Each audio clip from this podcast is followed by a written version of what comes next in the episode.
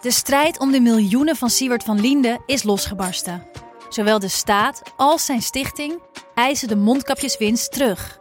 Maar dat die opbrengst in ieder geval niet thuis hoort bij Van Linde, daarover kan toch eigenlijk geen twijfel bestaan. Hoe kon het zo ver komen? Dit is het. We hebben beet. En als Siewert het geld teruggeeft, kunnen wij dit schandaal dan eindelijk loslaten? Je hoort het in de Mondkapjesmiljonairs, exclusief bij Podimo. Ga naar podimo.nl/slash mondkapjes. In de podcast Radio Romano met Noortje Veldhuizen Met Marcel van Roosmalen. En met Roelof de Vries. brengen we alle drie elke week een zogenaamde signalering mee. Wat heb jij nou weer bij je? En aan het eind bepalen we wie de winnaar van de week is. Echt een angstcultuur Lege huls die je er bent? Ja, dat gaat eigenlijk altijd onvriendelijk. Luister nu naar Radio Romano bij Podimo. Via podimo.nl slash Radio Romano luister je 30 dagen gratis. Hallo, vanaf de redactie van de Groene Amsterdammer is dit uw wekelijkse podcast. Ik ben Kees van der Bos.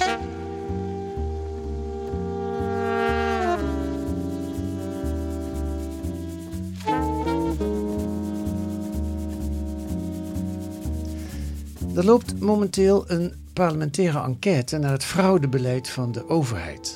De openbare verhoren zijn nu bezig. En de achtergrond is dat de overheid de afgelopen 10, 15 jaar is doorgeschoten. Mensen met een uitkering of een toeslag zijn veel te hard aangepakt, onredelijk hard.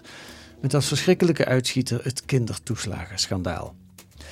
Maar er zijn ook gebieden waar de overheid niet of nauwelijks controleert en waar wel fraude wordt gepleegd. Of soms is het ook de ingewikkeldheid van het systeem dat mensen tot verkeerd gebruik aanzet.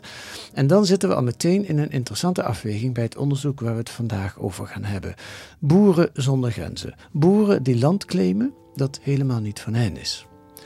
Is hier sprake van fraude of deugt het systeem niet? Of allebei misschien. Sebastiaan Groskurt, Marieke Rotman en Felix Voogd van platform Investico schrijven er deze week over in De Groene. En Marieke en Sebastiaan zitten hier in de podcast. Welkom allebei. Dankjewel. Felix is er eh, niet bij, eh, maar eh, we hebben hem al een keer genoemd. Hij heeft er wel degelijk aan meegewerkt. Ehm, over die afweging, fraude of geen fraude, want dat is een interessant eh, punt, wil ik het zo hebben. Maar laten we eerst de feiten benoemen. Eh, boeren zonder grenzen, zag ik eh, boven mijn artikel staan, wat ik kreeg toegestuurd. Eh, wie, wie kan ik het woord geven? Wat hebben jullie aangetoond? Wat we ehm, hebben aangetoond ehm, is dat 26% van de gevallen waarop een boer grond van de overheid registreert bij de RVO, dat dat op een onrechtmatige manier is gebeurd. En Ja, dat, wacht even, dat zeg je al dat moet- best veel. Waarop een boer grond van de overheid, de andere woorden zijn eigen grond, kan hij natuurlijk registreren. Ja. Maar hij registreert soms ook grond die niet van hem is. Ja, dat, dat gebeurt in heel veel gevallen. Dus een boer heeft natuurlijk grond in, in eigen eh, bezit. Ja. Maar ook ehm, soms pacht een, een boer een stuk van, van de boer naast hem. En soms van het waterschap of van de gemeente. En dan mag hij het ook En registreren. dan mag je het ook registreren. Oké. En dan heeft hij daarvoor een pachtcontract of een gebruiksovereenkomst. Of zelfs een mondelinge overeenkomst. Ehm, en dat mag, hij allemaal, eh, mag de boer allemaal registreren ehm, bij de Rijksdienst voor Ondernemen Nederland, zoals dat heet, het RVO. Ja, die is Ehm, daarvoor, had ik nog nooit van gehoord. Maar Precies. Die bestaat. Die doen heel veel. Ja, ik ben geen ondernemer in Nederland, eh, ben ik bang. Ja. En, en daar mag, mag je al die grond eh, registreren. Ehm, en als hij dat registreert, krijgt hij daar, ehm, of kan hij daar eh, Europese landbouwsubsidie voor aanvragen.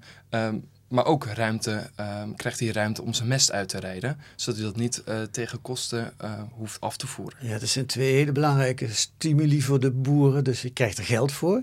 Ik hoorde mevrouw van Nieuwe Oost in een Radio 1-journaal zeggen dat zelfs de helft van het inkomen van de boeren eh, van subsidies afkomt. Dus het gaat om een belangrijke inkomstenbron. En hij kan zijn mest uitrijden. Dat gaat ook per vierkant, per hectare hoeveel mest je uit mag rijden. Ja. Met andere woorden, voor die boeren is het lekker om zoveel mogelijk land eh, eh, te claimen. Ja. Maar je mag natuurlijk alleen het land claimen wat ook echt van jou is of wat je gepacht hebt. Ja, waar je toestemming voor hebt. Ja. Hè? Soms gaat het niet allemaal volgens, volgens hele officiële pachtcontracten. Nee. Boeren doen veel met mondelinge overeenkomsten, ook met overheden. Ja. Ehm, en daar zit ook het, een, een, een crux van het verhaal, is dat juist die, die ruimte om zowel een pachtcontract als een mondelinge overeenkomst te hebben, geef de ruimte ook eh, om grond te registreren waar je misschien niet zo'n duidelijke overeenkomst voor hebt. Of misschien wel helemaal geen overeenkomst. Ja. En dat hebben wij onderzocht ehm, in ons verhaal, hoe vaak dat dan voorkomt. Dat er Ja. eigenlijk helemaal geen overeenkomst ligt. Ja, dan noemde je net al een percentage, 26 procent. Leg dat nog eens uit, wat is er aan de hand? Nou, we hebben een, ehm, eigenlijk een uitvraag. We hebben, we hebben eerst onderzocht ehm, in hoeveel, hoeveel grond van de overheid wordt nou eigenlijk gebruikt bij boeren. En vervolgens hebben we daar een steekproef uitgehaald van allemaal percelen die we hebben uitgevraagd eh, of gestuurd naar de bezittende overheid. Ja. Bijvoorbeeld een gemeente en hebben die gemeente gevraagd: hebben jullie hier eigenlijk toestemming voor gegeven dat een boer dit gebruikt? Ja, Ehm, nou, en in 26% van de gevallen, 26% van de keren dat zo'n perceel eh, aan een gemeente of een waterschap aanboden, zeiden ze nee, daar hebben we geen toestemming voor gegeven. en hebben jullie een, een steekproef gedaan die eh, eh, representatief is? Oh, Zeker. dus je, je, je mag het nooit zeker zeggen, maar in principe kun je zeggen 26% van al die eigendommen van de overheid, Rijkswaterstaat, waterschappen, die geclaimd zijn door boeren. Je weet het niet zeker, maar je mag aannemen dat een kwart daarvan niet terecht geclaimd is. Ik Ja. kijk naar jou, Marike. Ja, eh, dat klopt. Eh, Ja. dat hebben we, we hebben dus, eh, wat we praktisch gedaan hebben, is uh, Sebastiaan en Felix zijn heel goed met kaartprogramma QGIS. En daarin hebben ze Het twee kaartenprogramma Kuchius. QGIS. QGIS? Oké. Dat is een kaartanalyseprogramma. ja. En daarin kun je eigenlijk twee kaartlagen over elkaar leggen. Dus we vonden een kaart of een dataset met alle grondeigendommen van overheden. En daarin staat ehm, aangegeven van nou, dit stukje land is van deze gemeente en dit stukje land is van dit waterschap. En eh, we vonden ook een kaart waarin stond eh, welke percelen door boeren geregistreerd waren in 2020. Dat was het laatste jaar waarvoor de data compleet was. Um, en die kaart hebben we eigenlijk over elkaar gelegd, zodat je zag waar is de overlap tussen wat boeren hebben geregistreerd, wat eigenlijk van overheden is. ja. Um, nou, zoals gezegd, dat kwal heel vaak zal daar uh, toestemming voor zijn. Um, maar we hebben uit die hele kaartlaag eigenlijk een representatieve steekproef getrokken. En die zijn we gaan vervolgens gaan uitvragen bij gemeenten om zeker te weten van was er inderdaad toestemming. Ja. En dat hebben we dan weer getest of dat representatief was. En dat was het geval. Ja. ja. En dan gaat het om een fraude, of in elk geval onterecht uitgekeerde subsidie van 6 tot 10 miljoen euro heb ik uitgerekend. Heb je dat ook uitgerekend? Ja, er zijn denk ik verschillende bedragen waar ja. je mee kan rekenen. Ja. Uh, je hebt een basissubsidie en daarbovenop kun je dan weer van alles krijgen. En ook hoeveel mest je mag uitrijden uh, verschilt per ja, dat heb ik nog wat niet voor type boer je bent. Ja. Um, maar ik, ik, weet niet of ik kan zeggen of 6 miljoen klopt, maar het is een hoop geld. Ja, en, We hebben hier zelf ook wel aan zitten. Ja, dus inderdaad een, een, een, een regenpartner waarmee wij hebben gewerkt, een, een mediapartner, die heeft het inderdaad ook op die manier berekend. Ja. Um, wat, wat bij ons wel belangrijk is om te zeggen is, de boeren hebben de mogelijkheid gekregen om die subsidie aan te vragen. Dat betekent nog niet meteen dat ze het hebben gedaan. Um, maar wel uit ons onderzoek komt dat, nou, als dat inderdaad, als je dat omrekent, die 26 procent, wij hebben bekeken dat is ongeveer een oppervlakte um, ter grootte van Amsterdam, dus 24.000 hectare. Nou ja, als je dat zou omrekenen, als inderdaad iedere boer daar in ieder geval de basissubsidie uh, op zou ontvangen, zou je inderdaad in die orde van grootte uitkomen. Ja. ja. ja. Laat, laten we naar voorbeelden gaan, want het is tot nog toe wordt het heel abstract. Hè? Jullie beginnen ook met een voorbeeld. Een, een, een vrouw die heeft een, uh, nou vertel jij me maar, Erna Kruidwagen. Ja, Erna Kruidwagen die heeft een, um, een recreatie um, uh, bedrijf. bedrijf. Ja. Um, in uh, Zevenaar. En die heeft uh, daar een uh, restaurant en allerlei faciliteiten voor bezoekers. Maar ze heeft ook wat stukjes grond erbij. En ze zegt, ja, dat, dat wordt gebruikt door mijn bezoekers als voorspel spelletjes. Of ik gebruik dat verder niet. Mm -hmm. um, totdat op een dag haar dorpsgenoot Ben Jacobs bij haar aanklopte en zei... Ik heb een zorgboerderij met paarden erop. Um, ik heb mest van die paarden, maar ik krijg dat volgens de regels niet allemaal kwijt op mijn eigen land. Uh, ik zou het wel heel graag in de buurt willen uitrijden. Uh, en dan kom ik net goed uit in mijn boek, mestboekhouding. Mag ik dat misschien op jouw land doen? Ja hoor, dat mag wel. Ja, dat vond Erna prima. Dus die zei dat is goed. Uh, en hij ging het dus ook registreren bij de RVO. Want dat moet je doen met het land wat je in gebruik hebt en waar je toestemming voor hebt. Ja. Maar toen kreeg hij een melding. dit perceel is al gedurende de looptijd dat u het wil registreren, is al door iemand geregistreerd. En toen zei hij hè, en Erna zei ook hè, en die belde de RVO op. Want de conclusie was dus, het was al door iemand anders geregistreerd, dat stuk grond. Zonder dat- dat Ja, zonder dat Erna wist. dat wist. Ja. Dus zij heeft de RVO opgebeld en gezegd: klopt dit? En eh, hoe kan dat? Waarom eh, weet ik daar niks van? En moet iemand die dat stuk grond registreert dan niet eh, aantonen dat hij dat stuk grond ook toestemming heeft om Dat het zou te je denken, ja. En zei de RVO: nee, daar controleren we niet standaard op. Ehm, en toen heeft Erna gezegd: kunnen jullie er dan wat aan doen? En toen heeft de RVO ook gezegd: nee, je kunt het zelf registreren en dan kun je erachter komen wie het heeft En geregistreerd. nu wordt het helemaal gek. Dus je ontdekt dat jouw land door iemand anders ingepikt is. Tenminste, niet echt ingepikt, maar bureaucratisch ingepikt. Maar dan, en dan zeg je, hé, hey, dat is mijn land. Maar dan zegt de RVO, die, die- dat is die Raad voor Ondernemend Nederland, laten we het nog een keer noemen. Die kan dat dan niet in orde maken. Nee, want dat hebben we ook wel van andere eh, mensen die we hebben gesproken of die ons hebben gemaild hierover, hebben we gehoord van. De RVO zegt meestal gewoon: we hebben geen capaciteit om dit allemaal te gaan controleren. Dus probeer er zelf maar uit te komen met Ja. degene die ehm, dat doet. Ze controleren soms wel. Eh, dat doen ze, hebben we begrepen. In de afgelopen vier jaar hebben ze ongeveer 400, 500 eh, bedrijven gecontroleerd. Ja, dat is 1% van de boerenbedrijven. Dus de kans dat je daar eh, in naar boven komt is niet zo heel erg groot. Ja. Geen capaciteit. Dat vind ik wel een interessante, want dat argument hoor je eigenlijk nooit als het om de controle op mensen met een uitkering gaat. Dan wordt Nee. er gewoon Nee. volop capaciteit ingezet. Blijkbaar wordt dat belangrijker gevonden. Ja, en er zijn ook, ook, we hebben ook verhalen gehoord waarin de RVO inderdaad een, een controle is begonnen om een bewijsstuk ehm, vroeg bijvoorbeeld. eh, nou, kun je even, als je een mondelinge overeenkomst hebt gesloten, kun je dan aan degene waarmee je dat hebt gedaan vragen of die het even op een briefje zet van nou inderdaad, ik heb met eh, boer A heb ik inderdaad een overeenkomst gehad. Ja, Ehm, in één geval was bijvoorbeeld dat ehm, de eigenaar was overleden. Nou, dat vertelde die boer van, nou ja, de eigenaar was overleden. Ehm, vervolgens doet RVO daar niks meer mee. Die, die boer hoort nooit meer iets terug van RVO. ja. En we hebben ook tips gekregen van bijvoorbeeld, nou, gewoon, gewoon een, ja, gewoon een, een ik wil zeggen niet-boer. Iemand, ja, een particulier die een stuk land heeft, ehm, kwam erachter dat het geregistreerd werd. Ehm, omdat RVO dat controleerde.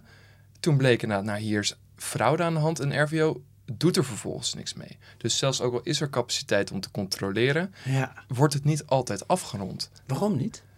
Ja, daar heeft RVO bij ons geen uitsluitsel over gegeven. Ze Nee. zeggen inderdaad, als er fraude wordt ontdekt, dan handhaven we. Ehm, Ja, of dan gaan we daar wat mee Dan doen. gaan we Het is niet helemaal duidelijk Ja. wat ze er dan Ja, precies altijd mee gaan doen. In dit geval wat jij noemt, gaan ze er eigenlijk niks mee doen. Nee. Nee. Nee, en het is misschien wel goed om te zeggen, kijk, het gaat echt om enorm veel percelen. Ik geloof dat waar wij naar hebben gekeken, eh, waren er iets van 800.000. Ja. Ehm, dat zijn dus alleen nog maar de percelen die op overheidsgrond worden geregistreerd. nee, dus je nee, hebt... dat zijn alle Oh, percelen. sorry, dat zijn alle percelen. Excuus.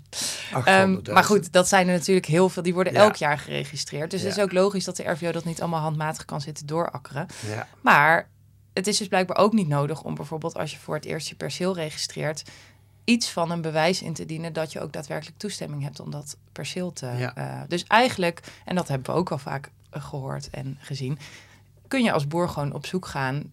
Of eigenlijk als elke persoon kun je gewoon op zoek gaan naar stukken land die nog niet door iemand anders zijn geregistreerd. Want dat is het enige waar wel automatisch op wordt gecontroleerd. Ja, dat ja, bleek als- ook bij, ja. de, bij eh, Erna. Ja, Ehm, en ja, als het nog niet geregistreerd is, dan kun jij het registreren en dan kan je kijken wat er gebeurt. om nog, nog een voorbeeld te geven eh, eh, waar het om gaat. Het wordt ook wel bermfraude genoemd. Bermen, ik ben nog uit de tijd dat er bermtoerisme bestond. Dat was eh, in de jaren zestig. Gingen mensen met klapstoeltjes in de berm zitten. Maar dat is, dat, is iets heel anders. Die bermfraude die is al in 2017 voor het eerst in het eh, dagblad Trouw aan de orde gesteld. Toen, kwam de eerste publiciteit erover. En dat was in de... Later in het programma Vroege, Vogels eh, legt burgemeester Joost van Oostrum van de gemeente Berkeland uit hoe het in zijn gemeente eh, fout kon gaan. Luister. Joost van Oostrum, burgemeester van de gemeente Berkeland. Ehm, ja, jullie hebben hier als gemeente een heel lint van palen geslagen. Eigenlijk eh, de, grens tussen het weidelandschap en, en jullie, jullie berm. Eigenlijk zou je kunnen zeggen, als je het hebt over landjepik... dat jullie nu weer als gemeente het, het landje terug hebben gepikt. Nee, we hebben het nooit over landje pik. We hebben het over vervagen van grenzen. En, eh, en waarom? Omdat wij daar zelf natuurlijk ook gewoon bij zijn geweest. Ja, want hoe is dat gekomen? Hoe heeft deze boer ooit eh, deze berm van een meter of vijf breed eh, bij zijn land getrokken? Nou, wat er gebeurd is in de praktijk is, is dat je op enig moment in het landschap zag dat de rasters zouden verdwijnen. Je ziet steeds minder koeien buiten, dus de rasters verdwijnen, want die hebben geen functie meer.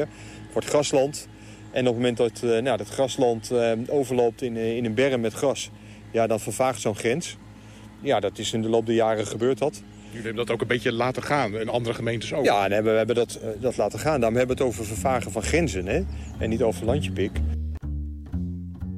Ja, dit is ook zo'n situatie waarin het ehm, ja, niet helemaal, wel een beetje glooiend of zeggen dat het nu genuanceerd verloopt. Zo'n boer die heeft niet heel bewust ineens de bermen, dat is in de loop van de jaren die gaan gebruiken, gaan maaien en misschien ook gaan bemesten. En op een gegeven moment is ze gaan opgeven.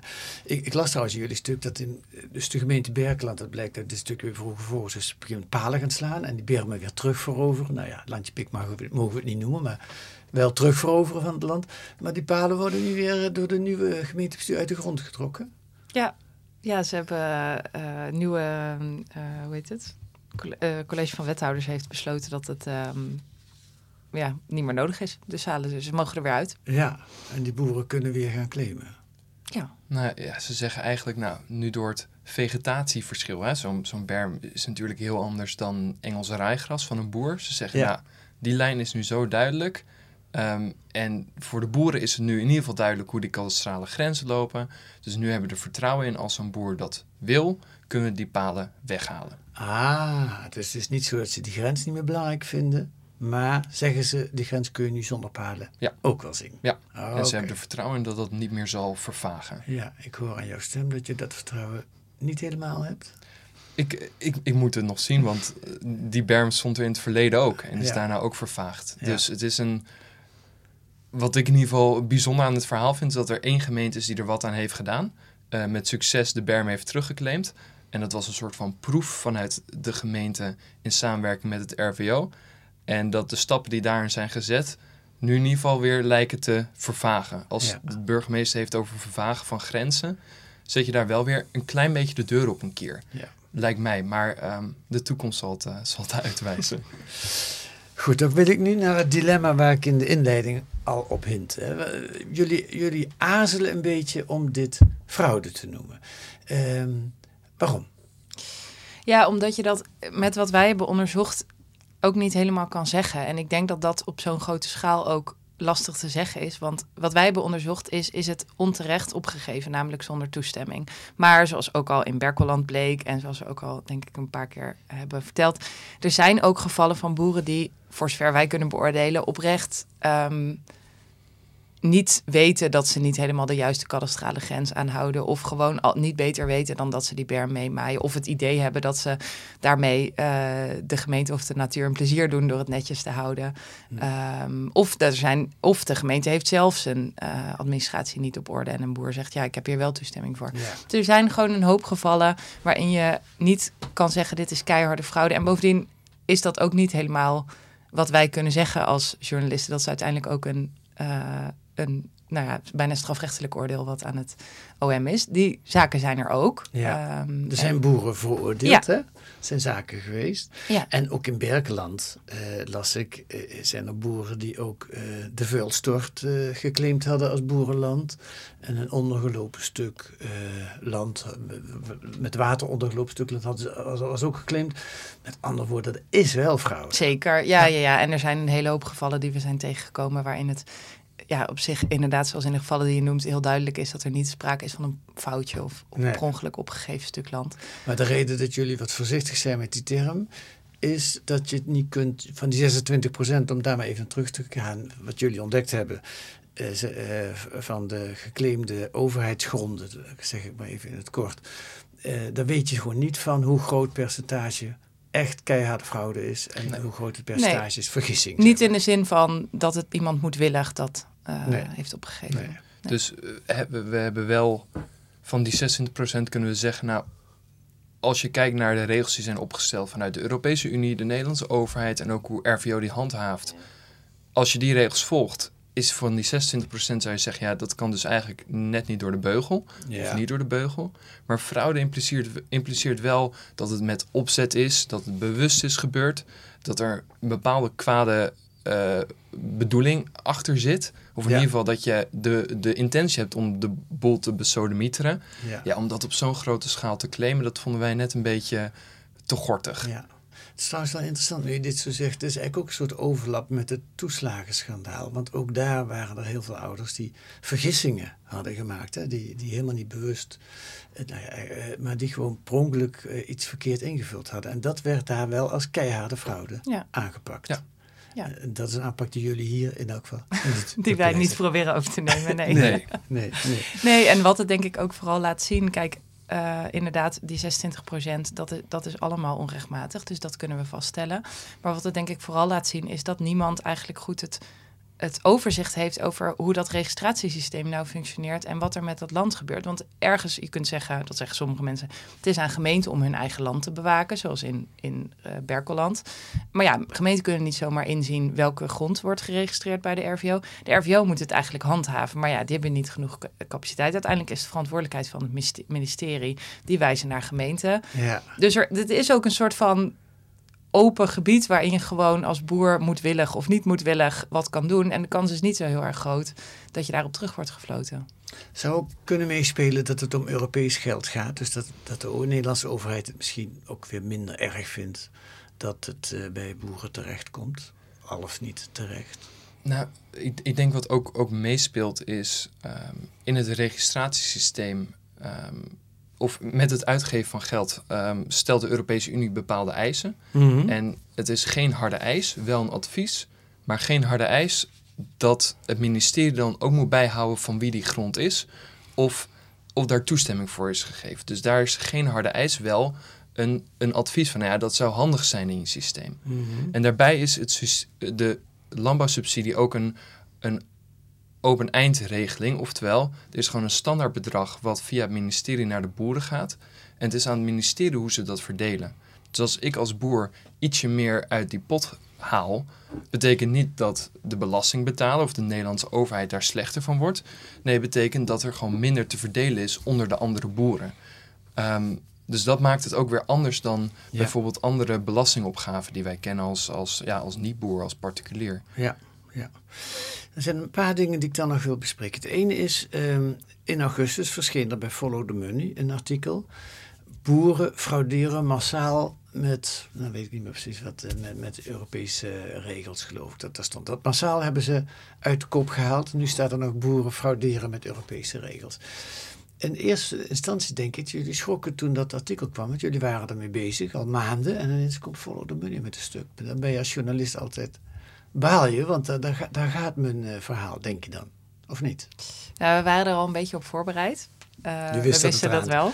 Oké. Ehm, we begonnen op een gegeven moment ook van andere mensen te horen dat er nog een journalist was die er naar rond vroeg. Oh dus ja, zeker, ja, dat is altijd eventjes eh, schrikken. Maar ik denk in dit geval dat we niet al te erg uiteindelijk in elkaars vaarwater hebben gezeten. Want?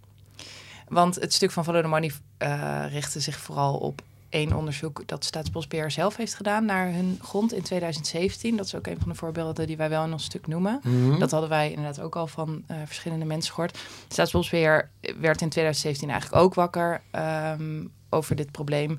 En die zijn toen wel hun eigen grond gaan registreren om te gaan kijken van welke grond wordt eigenlijk allemaal geclaimd. En daaruit bleek inderdaad dat dat op best wel grote schaal gebeurde. Ja. Ja. Ja, wat voor alle duidelijkheid, er is dus in 2017 publiciteit over geweest, in, in augustus een stuk bij Follow the Money. Maar wat jullie daar echt nu aan toevoegen is, voor het eerst is in kaart gebracht waar we het eigenlijk over hebben. Ja. Hoe groot het probleem is. Ja. En dat hebben jullie voor elkaar gekregen door op een slimme manier de kaarten met elkaar te vergelijken. Precies. Wie heeft dat bedacht eigenlijk? Want je zijn de eerste die daarop komen. Ja, dus het idee om, om dit met, met kaarten te analyseren eh, kwam initieel van mij. Maar ik heb in samenwerking met Felix ehm, hebben we dat uitgewerkt. Felix Hm. had eerder met, met kaartlagen, zoals de grondeigendommen kaartlaag, had ik gewerkt. En toen kwam voor het eerst het idee om dan die grondeigendommen kaartlaag... ehm, dus eigenlijk dat is een kaart van heel Nederland waar verschillende kleuren staat aangegeven. Nou, dit is van een gemeente en dit is van een provincie. Om die kaart over een andere kaart te leggen. En dat is dan de kaart met wat boeren registreren. Ja. Ehm, en in essentie klinkt dat heel simpel. Ja, maar maar in- uiteindelijk heeft dat toch nog wel maanden gekost om dat op een precieze manier en een accurate manier te doen. Mhm. Ehm, Ja, en waar we ook heel veel tijd weer kwijt zijn geweest, is erachter komen hoe die regels nou precies zaten. Want Dat dat, is ook gewoon best wel ingewikkeld. Ja. Dat is ook voor boeren best wel, het is ook veel werk, die Ja. registratie elk jaar. Boeren moeten daarvoor weer een ag- agrarisch eh, administratief Precies. bureau inhuren die Ja. dat voor hen doet. Want Ja. het is te ingewikkeld om als boer zelf dat Ja. te doen. Ja, Ja, dus, daar, nou, dus daar zijn we ook best wel lang mee bezig geweest. En dus ook van, want toen hadden we op een gegeven moment die overlap, overlappende analyse. Maar ja, daar zaten ook nog alle pachtcontracten in en zo. Ja. Dus we hebben ook best wel even na moeten denken van... hoe gaan we dan van daaruit iets kunnen zeggen over waar nou echt toestemming voor is. Ja, En niet. En, en komt dat wel echt zo vaak voor? Want we Ja. dachten natuurlijk ook lang, ja, Ja. we denken dat het een groot probleem is. Ja. Bas kwam met het idee, eh, omdat hij sinds de berichtgeving in 2017 altijd nog benieuwd was hoe vaak het nou voorkwam. Maar ja, dat had ook gekund dat het 3% was. En Ja. dan, eh, Ja, want toen dan, misschien hebben we dat nog niet duidelijk genoeg gezegd. Dan heb je dus achterhaald welke stukken land overlappen. Dus van een gemeente zijn, maar door een boer geclaimd zijn. Ja. En dan moet je nog gaan bellen. En daar heb je die steekproef voor gedaan. Om te kijken of er misschien een mondeling overeenkomst is. Ja, dat kun je op die kaarten niet zien. Nee. Of, of op anderszins een, een overeenkomst. Waardoor het weliswaar op de kaart illegaal lijkt. Maar in het echt helemaal niet illegaal is. Nee. En zo kom je op die 26% waarbij door jullie helemaal gecheckt het niet klopt. ja, Ja. want we hebben dus eigenlijk aan 36 verschillende overheden, dus gemeenten, provincies, waterschappen, eh, een lijst gestuurd met Ja. percelen uit hun gebied. En daar antwoorden op gekregen van hebben jullie toestemming gegeven. Ja. En op basis daarvan kunnen we iets zeggen over hoe vaak het voorkomt. Heb je ook met die boeren gebeld? Ja. Ja. Vertel eens. Hoe... Nou, wat sowieso ook wel leuk is om te zeggen, denk ik, is eh, we hebben dit, het analysedeel eh, en het, het idee van hoe gaan we dit onderzoeken, komt van ons. En dat hebben wij eh, gedaan. Maar we hebben er ook een hoop regionale media bij betrokken, wat heel leuk is. Dus we, doen het, we hebben het uiteindelijk samen gedaan met de Gelderlander, Tubantia, de Stentor, dus de Oostelijke kranten en Brabants Dagblad, BN De Stem en Eindhoven's Dagblad in Brabant. En ehm, zij zijn eigenlijk met de gegevens die we terugkregen van gemeenten ook op zoek gegaan naar casussen en bij boeren langs gegaan eh, in hun verspreidingsgebied om te kijken van eh, ja, wat is hier nou aan de hand en wat is nou de reden. Ja. Want Waarom hebben jullie dat gedaan, die samenwerking met die regionale bladen? Want Ja. het, jullie, initiatief kwam van jullie, denk ik. Ja, Ja. ehm, nou ja, omdat het, het is natuurlijk regionaal een heel relevant eh, onderwerp. Het, is, het zijn twee natuurlijk belangrijke agrarische regio's waar we mee samen hebben gewerkt. Ehm, en het gebeurt in hun verspreidingsgebied uiteindelijk. Dus Mhm. eh, we hebben vrij vroeg gedacht van het is waarschijnlijk interessant om met meer eh, regionale media te doen. En we gaan straks heel veel data hebben waar zij wat mee kunnen. Ja. Ehm, en eigenlijk waren ze allemaal meteen heel enthousiast. ja. En, en je hebt meteen helpende handen. Want, Ja, ja, dat die was is- echt superleuk. ja. Ja. Het is inderdaad vele handen maakt licht werk, maar Ja. ook gewoon heel veel interessante input. Ehm, bijvoorbeeld in de selectie van de gebieden die we wilden bekijken. Ehm, dat hebben we, ik wil zeggen in overleg gedaan, maar eigenlijk hebben we dat ook gewoon bij hen gelaten. Van nou, welke in- gebieden zijn interessant of representatief om naar te kijken? Want dan moet je toch een keuze in maken. Ja. En om vervolgens te kijken, als je, als je al die data terugkrijgt met al die lijsten met, met, met landbouwgrond, waarin zegt, ja, hier is wel toestemming, hier is geen toestemming, om daartussen te kijken van, achter welke gevallen gaan we nou aan en waar willen we ons in verdiepen? Dat is iets wat wij, ik wil zeggen, op een afstandje kunnen doen, maar wat eigenlijk een veel beter verhaal wordt als je daar mensen hebt die, die daar veel meer van afweten. Ehm, en bijvoorbeeld in één geval hebben we zelfs dan met de onderzoeksredactie van Brabant samengewerkt en ook weer met een lokale verslaggever om op die manier gewoon achter de verhalen te komen. Ja. En dat, ja, dat is een, een mooie samenwerking waardoor je niet alleen een dataverhaal krijgt, maar ook echt een verhaal waar perspectieven naar voren komen, waar mensen aan het woord komen. Ja. En dat heeft het verhaal denk ik wel heel, veel, heel mooi gemaakt en heel compleet. Ja, Plus, het wordt in al die bladen beschreven. ja, Ja. dat ook. Dus ja. er is veel meer publiciteit voor je. Het wordt nog spannender. Jullie hebben begin deze maand, 7 september, ook een eerder stuk al in De Groene geschreven over die bermfraude. En dat was naar aanleiding van eh, het volgende. De, toen dat in 2017 naar buiten kwam, heeft de Europese Commissie ook aan de bel getrokken bij Nederland van... eh, hoe zit dat? Eh, We, we, lezen dat die Europese subsidies bij jullie misschien niet helemaal goed verdeeld worden.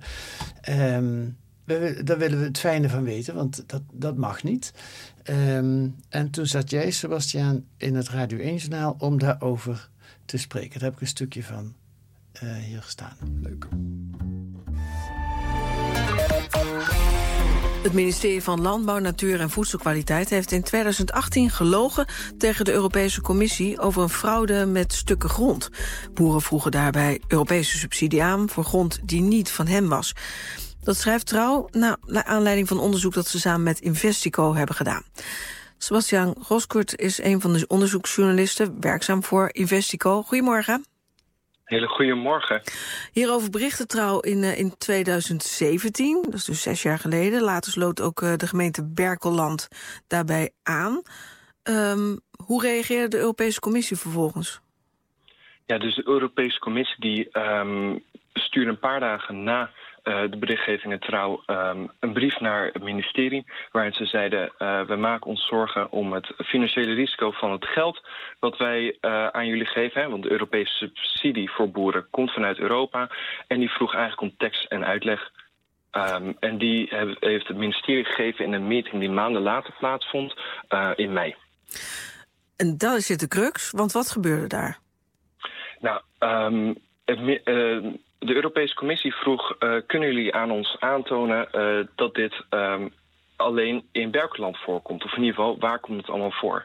Toen hebben de Nederlandse autoriteiten gezegd, ja, het gaat slechts om één gemeente uh, waar landbouwers bermen opgeven. En zeiden ook dat er geen andere gevallen bekend waren. Nou, uit de interne stukken die Platform Vesco uh, in samenwerking met Trouw en ook andere kranten hebben opgevraagd, bleek dat ze al maanden daarvoor uh, wisten dat ook in andere gemeentes voorkwam. Met andere woorden, uh, de minister heeft de Kamer en ook de Europese Commissie misschien wel bewust verkeerd uh, voorgelicht. En daar moest hij begin deze maand zich in de Kamer ook over verantwoorden. En toen bleek dat hij dat ook heel serieus neemt. Maar niet helemaal alleen af wil gaan op jullie onderzoeken. En, zeggen, en hij is nu met een eigen onderzoek bezig. Maar dit is een ernstige kwestie, lijkt me. Ja. Ja, zeker. En we hebben ook reacties gevraagd aan de Europese Commissie. En die hebben ook laten weten dat ze dit ook zeer serieus nemen tot twee keer toe. Uh, en daar ook nog over in gesprek gaan met uh, het ministerie. Ja, met andere woorden, dat zijn nog open eindjes uh, aan het onderzoek.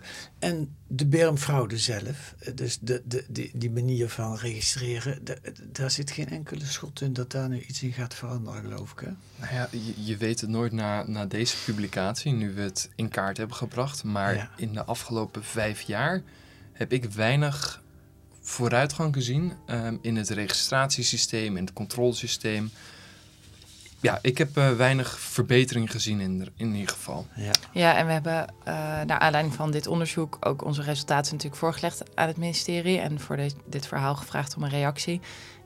Ja, en toen zeiden ze eigenlijk, ja, we weten dat er af en toe gefraudeerd wordt, maar dit is het beste wat we nu kunnen doen. Ja. Dus er lijkt niet heel veel motivatie om ja. uh, het systeem grondig op de schop te gooien. Letterlijk inderdaad, volledige handhaving is niet mogelijk. Ja, ja. ja. Nou, nogmaals, zeg dus dat ook maar bij de bijstandsvrouw. Dat zou, het zou de wereld een stuk vriendelijker maken. Um, uh, Marike Rotman en Sebastian Groskurt, hartelijk bedankt voor dit gesprek en voor het artikel. En we zijn benieuwd hoe het verder gaat. Ja, Wij ook. Ja, jullie ook. Dankjewel.